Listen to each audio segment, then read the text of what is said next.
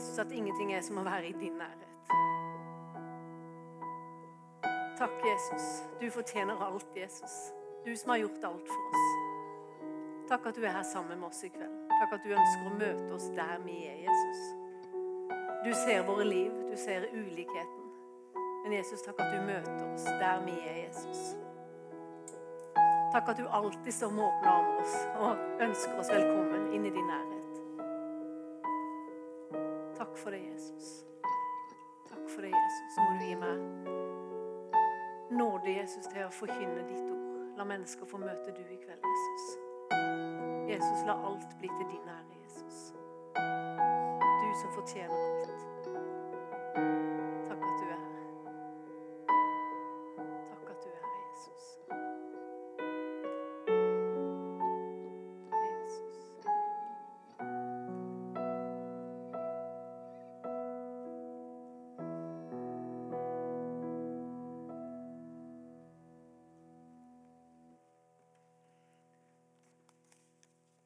Tusen takk, lovsangere. Jeg syns vi skal gi deg en applaus. Jeg kikka inn i buret, men nå var du vekk. Ja. Flott å ha deg med, Jens. Du er, du er, jeg vil nesten si du er litt frolending, altså. Ja. Det er halvt. Ja, ikke sant? Det, det holder. Det er bra.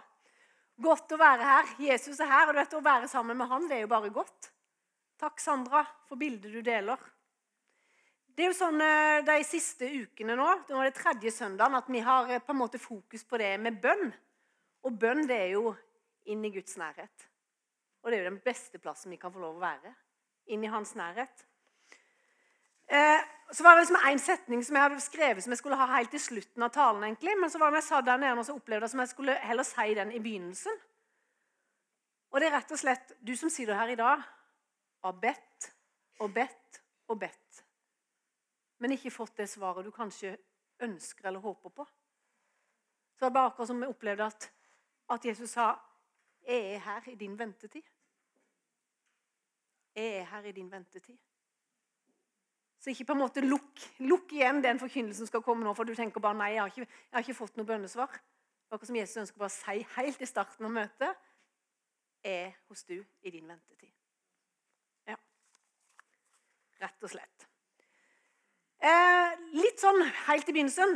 Eh, vi hadde lederskapssamling i går. Styre og tilsynsråd var samla. Vi hadde en veldig fin dag i sammen. Veldig fint å være sammen. Og vi hadde besøk av Kjell Birkeland, som er vår menighetsrådgiver. Og det var godt når han reiste, så sa han det at Kristine, er du klar over hvor heldig du er som er, er på en måte en del av et sånt lederskap? For når jeg kom inn her, så kunne jeg merke humoren, gleden, den positive engasjementet. Og han reiser jo rundt mange plasser. Tenkte Det er noe å gi ut og si fra til menigheten av at vi er heldige som har sånn et lederskap i Froland misjonskirke. Som på en måte, Der er en enhet, og vi eh, på en måte drar lasset sammen. Så det er flott. Ja, Det syns jeg det var litt viktig å få fram. Det var det. Overganger. altså Vi har vært i herlig lovsang og tilbedelse og takknemlighet. Og så er det jo sånn at nå blir det en liten overgang, for sånn er jo livet. Det er gode dager, og det er mer utfordrende dager. Og Det er en liten kunngjøring at et medlem hos oss, Aud Hofstøl Jørgensen, hun døde 11. januar, 87 år gammel. Og det har vært begravelse i stillhet for Aud. Noen av dere kjente henne, noen av dere kjente, vet ikke hvem det er, men Aud var ei dame som bodde i Moland, som var medlem her i menigheten. Så vær med og husk å be for eh, Doll, eller Kjøstolv, som eh, mannen heter, som sitter igjen nå alene. Og det er tøft at så mange år i sammen. Så husk på han i bønn. Og dere som kjenner han, ta gjerne en telefon og etter hvert et besøk. Ja. Og så er det òg kommet inn to bønneemner. En mann og ei dame. altså Det er, ikke, det er to forskjellige, holdt opp, det er ikke gift, men en mann og en dame. Begge har blitt oppdaga svulst på tarmen, og den ene på levra òg. Så er, familien har bedt om forbønn for dem. Så det gjør vi nå. Vi starter bare rett og slett med å be litt for dem nå. Takk, gode Gud, at du er en Gud som hører. Du er en som hører når vi ber til du, far. Og Jeg bare takker deg for at vi kan få lov å løfte de to menneskene opp til du nå, Gud. Og du som, er, du som er mesterens mester, du som kan mer enn alt. Og Jesus, vi bare ber om legedom inn i de situasjonene der. Jeg ber om at du skal hjelpe legene. Og Jesus, gi visdom Jesus, i forhold til både operasjon og cellegift, som det er snakk om Jesus. Og Jesus, takk at du kan virke gjennom det òg, Jesus. Og Jesus, jeg bare ber om at du skal omslutte både deg og familiene med din fred nå, Jesus. Din fred som overgår vår forstand. La deg få lov å kjenne, Jesus, at de er ikke alene midt i det vanskelige de går i nå, Jesus. Men du er der, Jesus, hos deg og beskytter deg og bevarer deg og gir deg av din fred. Takk at vi i fellesskap kan løfte deg opp for du, Jesus. Velsign deg, Jesus. I Jesu navn. Amen.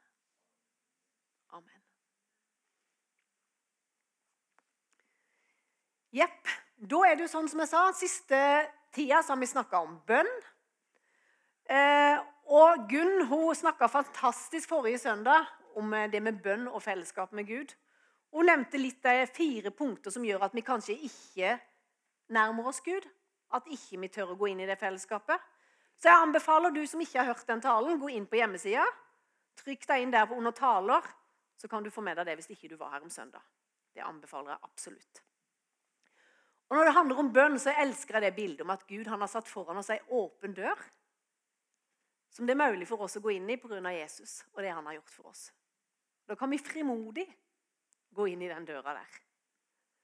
Så snakka vi òg litt om før at vi har alle sammen like mange timer i døgnet.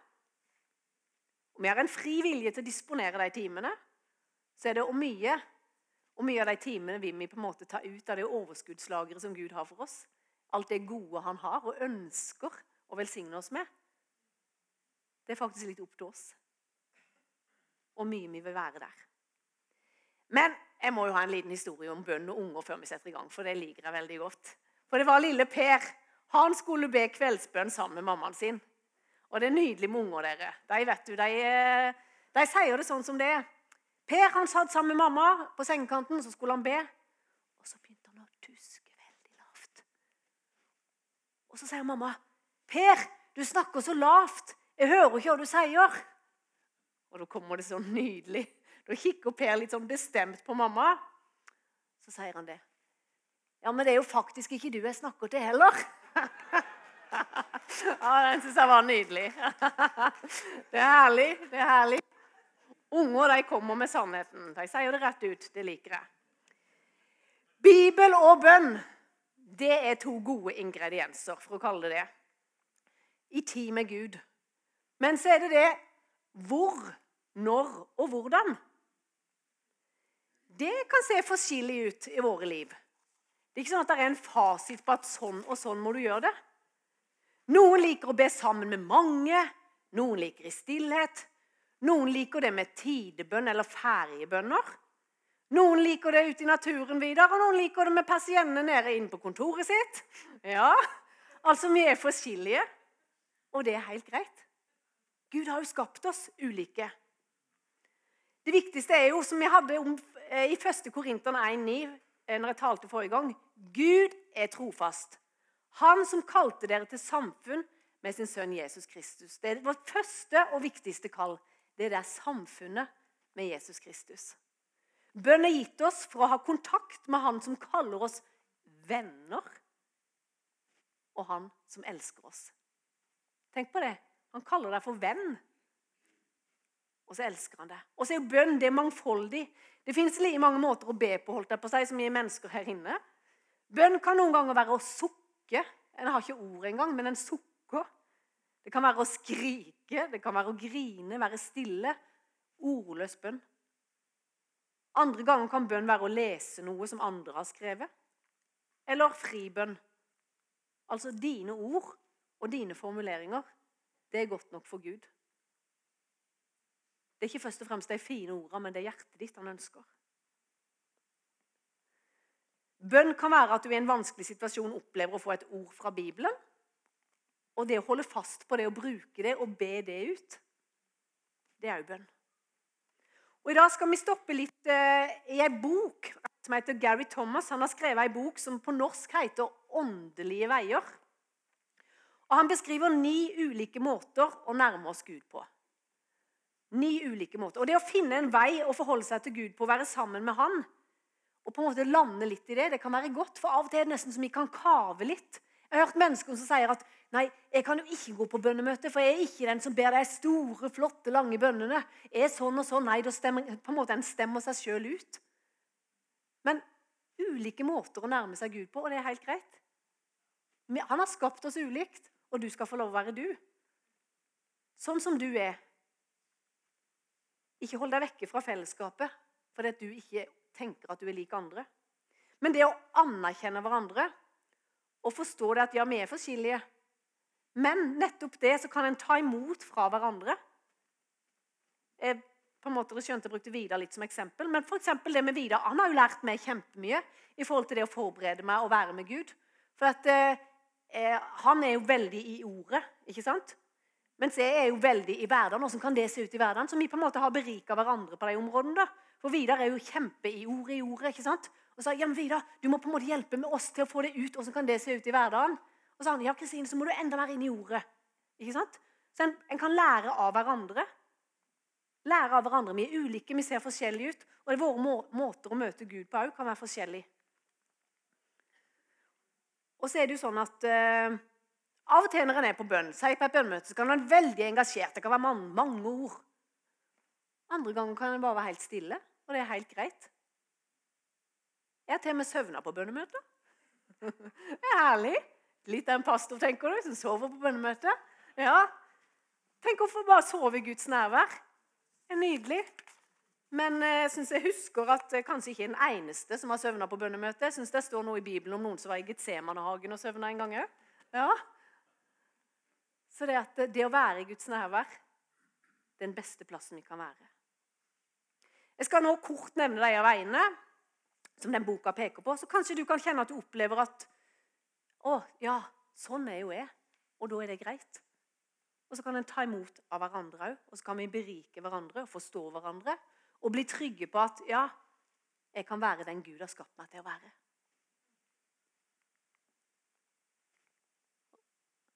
Ja, Det bildet glemte jeg i stad, så da kan vi jo hoppe videre. Bli trygg på at du kan være du i møte med Gud. Bildet, eh, bildet her er det først nummer én den tenkende. Altså den som elsker Bibelen og teologi og engasjeres mer av tankene enn av følelsene. Altså stimuleres av det med inn i Bibelen, søke Guds ord, lese, lese, kunne hatt bibelstudie hver eneste dag. Det er den som er den tenkende altså historiske tekster og filosofiske samtaler med Gud og setter troslære og sannheter høyt. Det er viktig for den tenkende. Tro skal forstås vel så mye som erfares. Det er de som på en måte er i den tenkende. Og så har du den tjenende. Den tjenende det er de som elsker å hjelpe og lytte til andre mennesker, ta vare på andre. Altså De føler seg nærmest Gud når de får lov å tjene eller gjøre noe. Være engasjert i andre mennesker. De menneskene de ser veldig ofte alle behovene som er rundt, og så er de der. Server, hjelper, tjener, er der for andre mennesker med en gang. Ser Jesus i de fattige og trengende i verden eller alle behovene rundt seg i menigheten? Eh, en oppdager det ganske raskt i menigheten òg, og hvem de menneskene er som er det tjenende, som føler seg nærmest Gud når de får lov å tjene.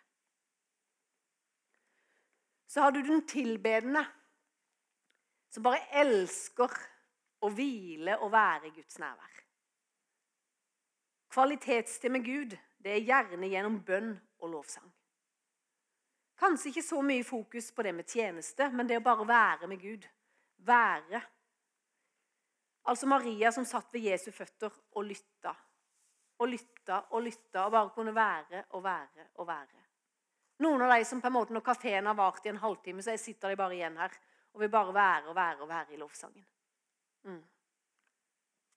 Og så har du da òg viktigheten av å forstå de andre som kanskje ikke er der. da. Som bare Å, kan vi snart bli ferdig med den lovsangen? Kan vi komme i gang med den talen? Det er jo det som er møtet. Kan vi komme i hakk? Eller de som er tjenende. Kan vi komme i gang med den kafeen? For der kan jeg jo gå rundt og se mennesker og tjene, og få tjene med bordene. Ser dere forskjellen? Ulikhetene? Men det er så viktig at vi tar imot alle ulike personlighetene. Og ikke rangere. 'Nei, det er jo mye bedre.' Nei, det vil Gud ha. Gud har skapt oss forskjellig, og han vil ha deg akkurat sånn som du er. Og så møter han deg der du er. Ja, Det er så viktig at vi forstår hverandre. Det er det. Den fjerde typen som boka peker på, det er den konfronterende. Altså, Den kommer for påfyll i kirka før de skal ut i verden og kjempe for en sak. Her er vi ivrige. Her, de skal gjerne gå i tog, holdt jeg på seg, og de kommer nærmere Gud gjennom sosial aktivisme og kjemper på andres vegne. Ofre tid og krefter på å skape forandring i denne verden.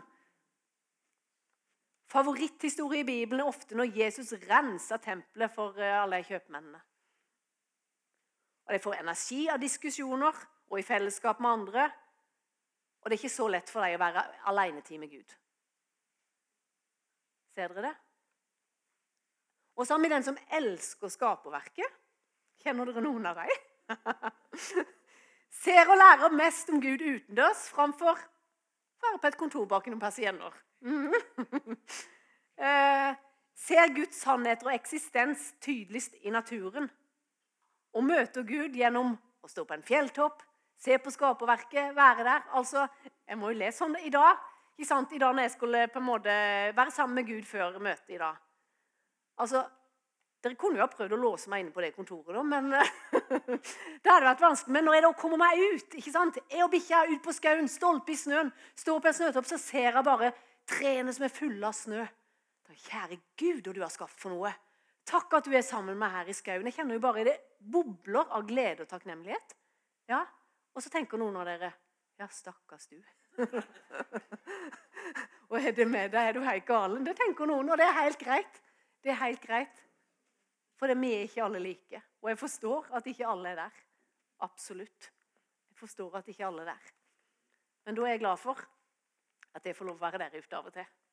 Det er helt sikkert. Den som elsker Gud gjennom sansene, den inspireres av opplevelser som er håndfaste, og fryder seg gjerne over sanseinntrykk istedenfor å bli distrahert av dem. Altså de som elsker Gud gjennom sansene. Kunst, Lyden av musikk, maleri, gamle kjerker med utsmykkinger. Altså Noen av dere kunne gått inn i ei gammel kjerke, sittet der i en time og gått ut igjen og ikke fått med dere noe av det som var der. Mens andre kan bare sitte der og se. Oi, oi. Se på det korset. Og så kommer bare Jesus blir bare så stor. Mens noen bare Hæ, var det et kors der? Ja. Ikke sant? En er ulike enn ulike. De som elsker Gud gjennom sansene, de dras gjerne mot det liturgiske og majestetiske. Ja.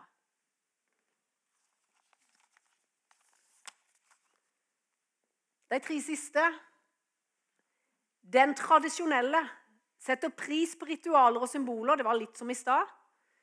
Liker å be spesifikke bønner og lever ofte et disiplinert trosliv. Glad i kirkas tradisjoner foretrekker struktur framfor en alenetid med Gud uten noe program.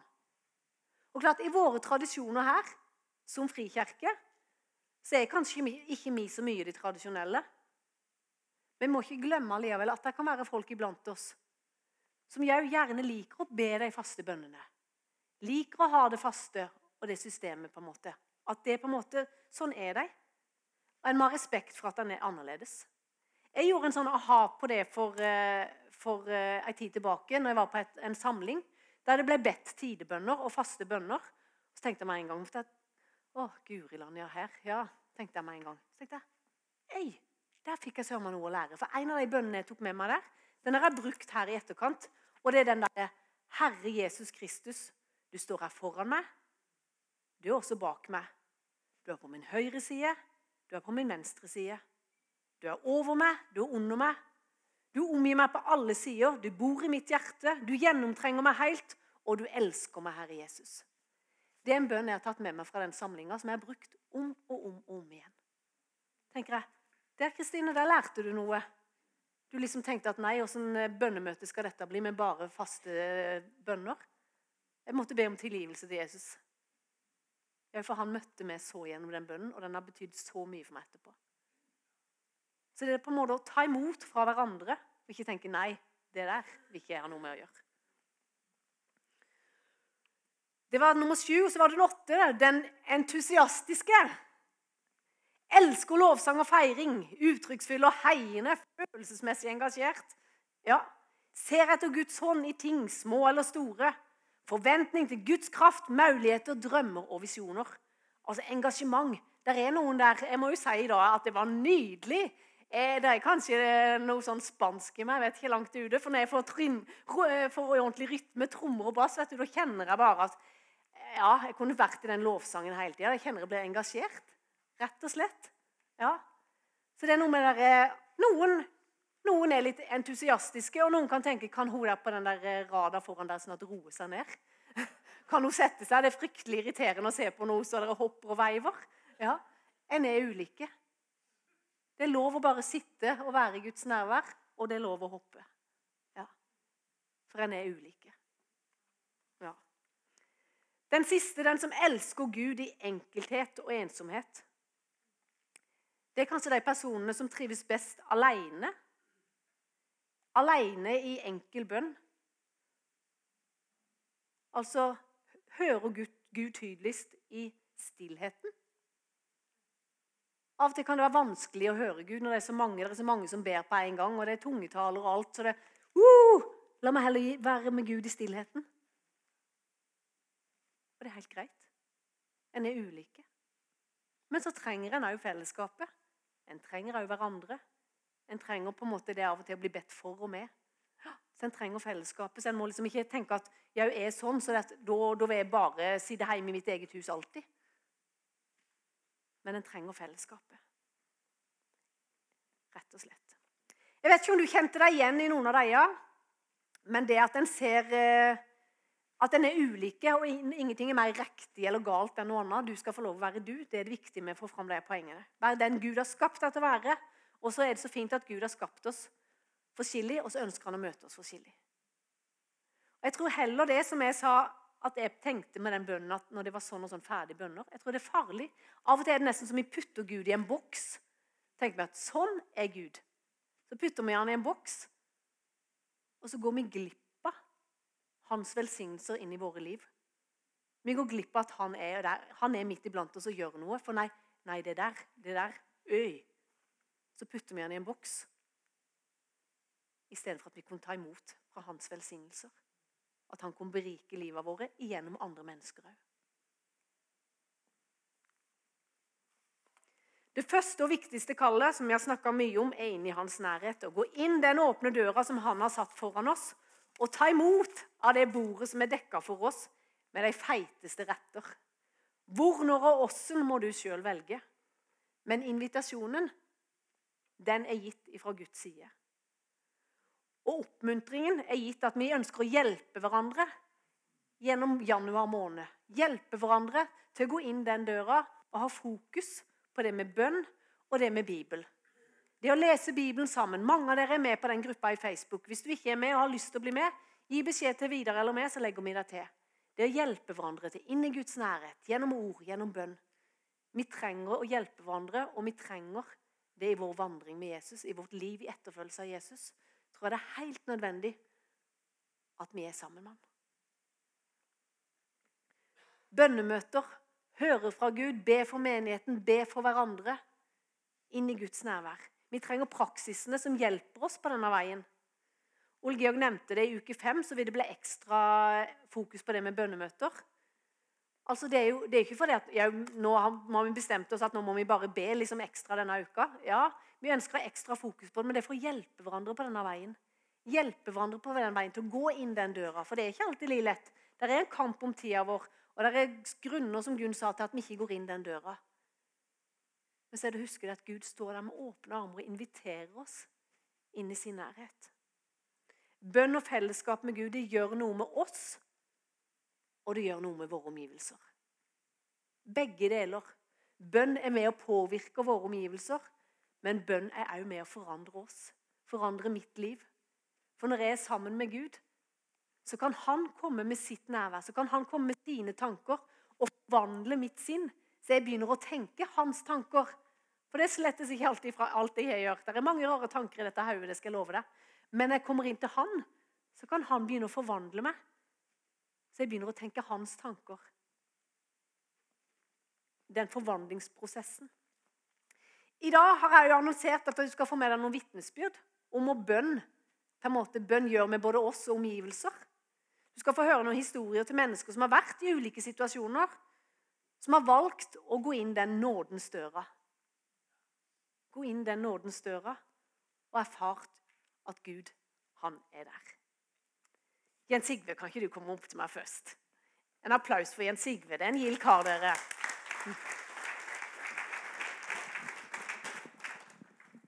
Du må holde den, ellers kommer jeg til å veifte den alle veier. Jens Sigve, eh, spurte jo du om du kunne dele noe i forhold til om du hadde noe erfaring eller opplevelser et eller annet i forhold til det, det med bønn. Og da sa du ja, det har jeg altså. Ja, det har jeg. Kan ikke du fortelle litt om det som du opplevde for en stund siden? Jo, eh, og det du sa her for litt siden, nettopp det med at eh, bønn det forandrer, eller det er med og preger den som ber, og det er òg med og preger omgivelsene. Eh, jeg hadde en liten episode i fjor der jeg fått lov til å be for forskjellige mennesker. og ja, For menigheten og for bedehuset hjemme og forskjellig. Så ble jeg stoppa opp en, en, en, på en, sånn, en bønnestund på en morgen. Der ble jeg minnet om en spesiell person. Og jeg kunne ikke få lagt det fra meg, sånn at det ble å be for vedkommende. Og eh, visste ikke hva som eh, var grunnen, men, eh, men eh, fikk lov til å løfte vedkommende fram for Jesus og be om velsignelse. Og eh, fikk greie på seinere at eh, det var en veldig vanskelig livssituasjon der. Men at vedkommende hadde fått hjelp. Og Det ble en veldig styrke for meg, og, det ble godt å få lov til å dele at ja, jeg ble minnet om det. Eh, og eh, det ble godt for vedkommende. Eh, og det viser at vi har en Gud som ser til den enkelte. Mm. Mm. Han vet hva vi trenger til. Og så er det av og til som vi kan få lov til å løfte hverandre fram. Og så skal vi få lov til å be for hverandre. Og så, hvis Gud minner deg om det, så gjør de. Nevn de som, du, de som han minner deg på. I den situasjonen der så fikk vedkommende hjelp å komme gjennom det. Og jeg takker Gud for det. Ja. Så var det altså, eh, ja, Det er jo noe av det samme som eh, når vi leser Apostelens gjerninger, eh, kapittel 10, om Kornelius som ber, og Peter som blir satt i forbindelse med ham.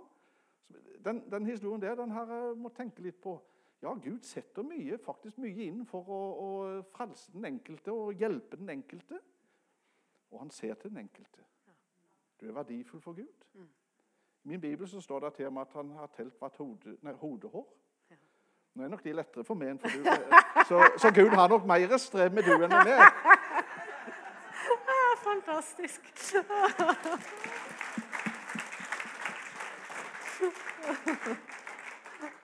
Det er nydelig. Takk, Jens Sigve. Takk. Bønn kan være så mye. Tenk på det at, at Gud minner oss på en person. Så kan du med dine bønner være med å påvirke den situasjonen. Fantastisk. Så på en måte ikke, hvis du får, og det er jo ikke noe sånn der, Jens Sigve, du, du hørte å, Gud sier at du må be for Altså, Du får en tanke, så handler han på den tanken. En enkel tanke med en person, så handler han på den Det kan vi øve oss til. Vi kan øve oss opp til å lytte at det er Gud som ønsker å si oss noe. Så kan vi være med å be og påvirke situasjoner. Fantastisk. Og Av og til er det ikke sikkert at en får høre det engang, at, uh, at det har skjedd noe. Men allikevel kan vi tro på at det nytter å be. Mm. Det nytter å be. Gud hører bønn. Tusen takk, Jens Sigve. Fantastisk. Vi skal få et annet vitnesbyrd òg. Hjørdis Laurak, velkommen opp. En klapp for henne òg.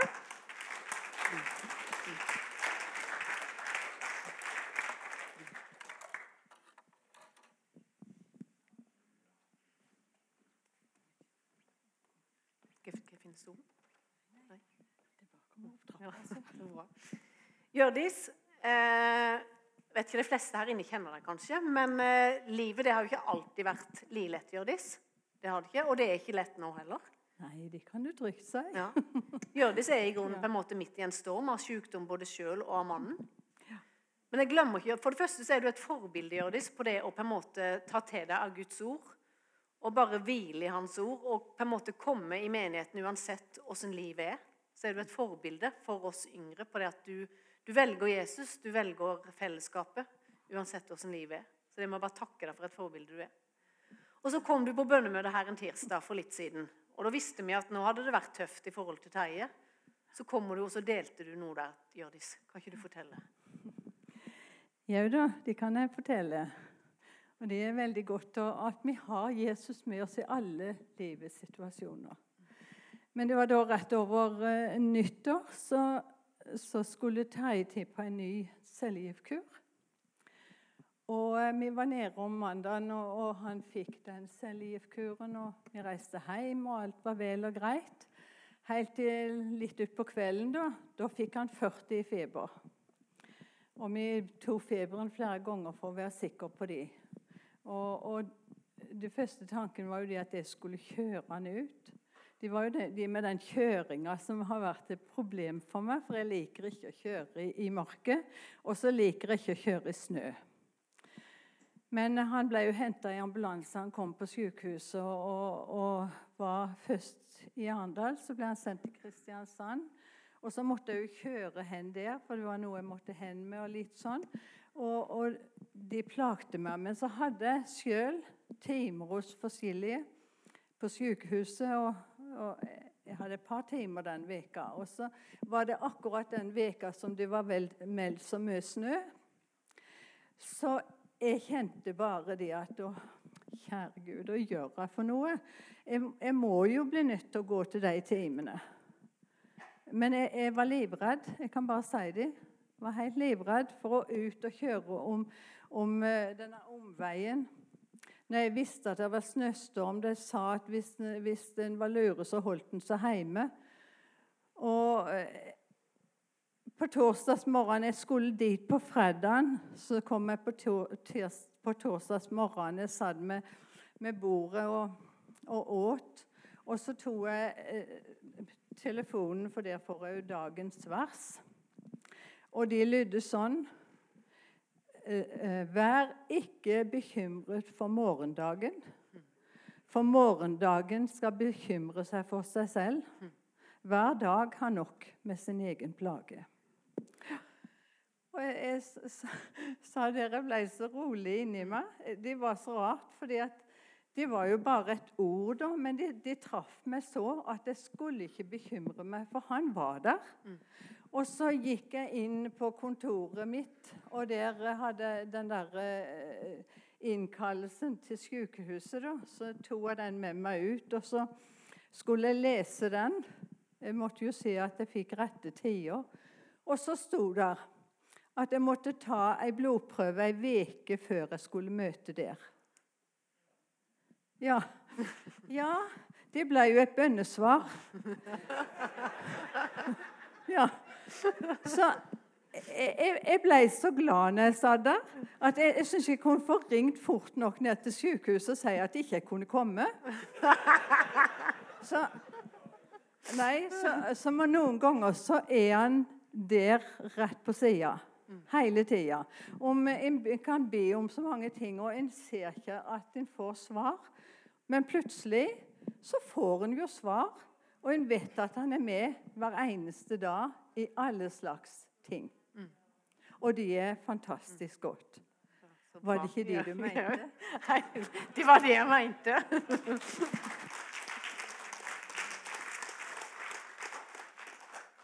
Tusen takk, Hjørdis. Det er, sånn, det er trosstyrkende å høre sånn om vitnesbyrd. Og Gud er der. Gud er der. Og så det å på en måte han bruker sitt ord til å snakke til oss.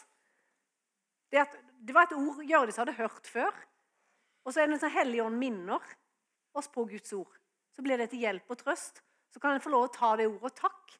Takk, Gud, at du gir meg noe nå i den situasjonen jeg står i. Takk at du er her. Det er fantastisk. Tusen takk. Et kort vitnesbyrd fra meg òg. Når jeg var midt i kaos med mamma eh, med hennes ALS-sykdom, så slutta jeg jo aldri å legge hendene på henne og be om helbredelse for henne for at hun skulle bli frisk. Men så er det det Og når ikke bønnesvaret blir sånn som en hadde tenkt eller håpet på. Og da, Gud? Og da, Gud? Men jeg er så glad for at jeg ikke bare søkte Guds hender. Jeg tror på helbredelse, og jeg ber for syke ennå. Gud kan, jeg kan ikke, men jeg kommer aldri til å slutte på det og be for syke. Men det skjedde ikke med min mamma. Men jeg søkte ikke bare hans hender. Jeg søkte Guds ansikt. Jeg fikk lov å være der i Guds nærvær. Bare være hos han. Og jeg tror hvis jeg bare hadde søkt Guds hender, så hadde jeg gått glipp av noe av hans velsignelse. Midt i den vanskelige tida og midt i den forferdelig vonde tida så opplevde jeg Guds omsorg. At han var der, at han bar meg, og han bar mamma. Men bønnesvaret ble kanskje ikke det jeg hadde håpet på eller ønska. Men likevel var det et bønnesvar, for Gud var der jo. Gud var der jo med sin omsorg, og han har gjort enormt mye som handler om takknemlighet i mitt liv midt i den vonde perioden. Som jeg har lært, og som ble mitt bønnesvar. Så det, det å speide etter Gud, selv om bønnesvaret ikke blir akkurat sånn som du hadde tenkt heller, det tror jeg er viktig. Guds trofasthet gjennom alt. Det står ingenting i Bibelen om at vi skal bare ha lette dager. Men det står om Han som har lovt å være med oss alle dager. Viktigheten av Guds ord, bønn og det å bare være i hans nærhet. Gud bruker sitt ord til å snakke til oss, som jeg sa.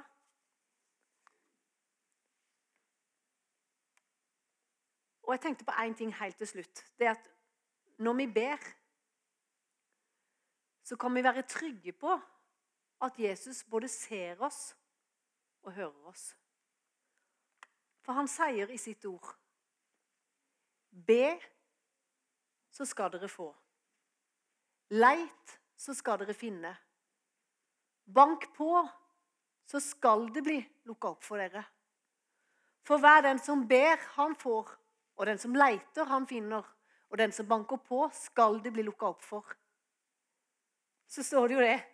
Eller er det vel et menneske blant dere som vil gi sønnen sin en stein når han ber om et brød, eller gir ham en orm når han ber, om en fisk? Altså, Jeg kan innrømme at jeg har gitt jeg har gitt, gitt Ole Georg surt godteri når han ber om sjokolade. Ja, ikke vel? Så det at vi som er onde, står det Når dere som er onde, vet å gi deres barn gode gaver, hvor mye mer skal da deres far i himmelen gi gode gaver til den som ber han? Vi kan være trygge på at når vi ber Gud, så møter han oss med sin godhet. Svaret blir kanskje ikke akkurat sånn som du vil ha det, sånn som du hadde tenkt deg. Men det står Be, så skal dere få. Bank på, så skal det bli lukka opp. Det er ikke alltid at vi får det sånn som vi vil, eller når vi vil.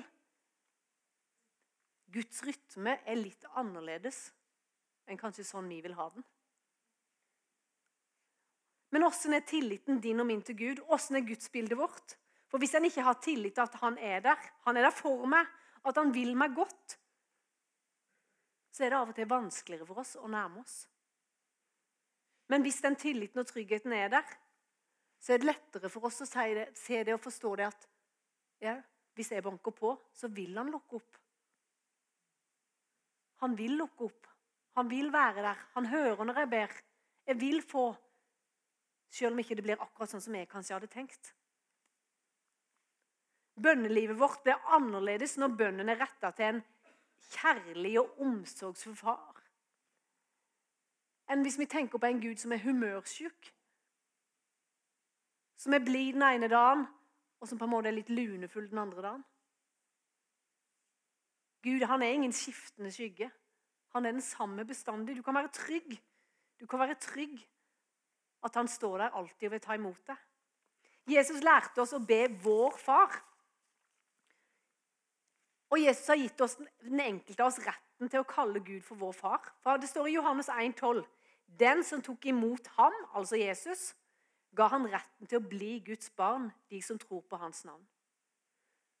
Så når vi ber, når vi går inn denne nådens døra, så kan vi være trygge på at vi kan møte vår himmelske far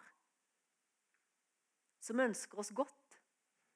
Vi kan gjøre det i tillit og takknemlighet. For Vi har full rett til å gå inn der som hans barn. Og far er jo det ordet som på en måte skiller kristen tro fra enhver annen tro. At vi får lov å kalle Gud for vår far. Har du tenkt over det? Det er nært. Det er veldig nært at vi kan kalle Gud for vår far. For det er ingen religion, men det er en relasjon, et fellesskap som vi får lov å være i. Lovsangere, kan ikke dere komme opp? Altså, Nå skal vi praktisere noe av det vi har snakka om. Lovsangerne vil lede oss nå i tilbedelse. Nå skal vi få lov å være, gå inn den nådens dør. Gå inn i takknemlighet, gå inn i bønn, gå inn i nærhet til Gud. Og så tenker jeg òg at det å ha av og til å bli bedt for forbønn Det trenger ikke bare å være når livet når det er krise. men det San, nei, Sandra ble med litt, og Vidar og Aina og Gunn er forbedere i dag. Altså Hver søndag nå så har vi forbedere her i menigheten som står klar til bare Du kan få lov å komme og sette deg. Noe så nydelig som bare blir lagt hendene på og blir velsigna.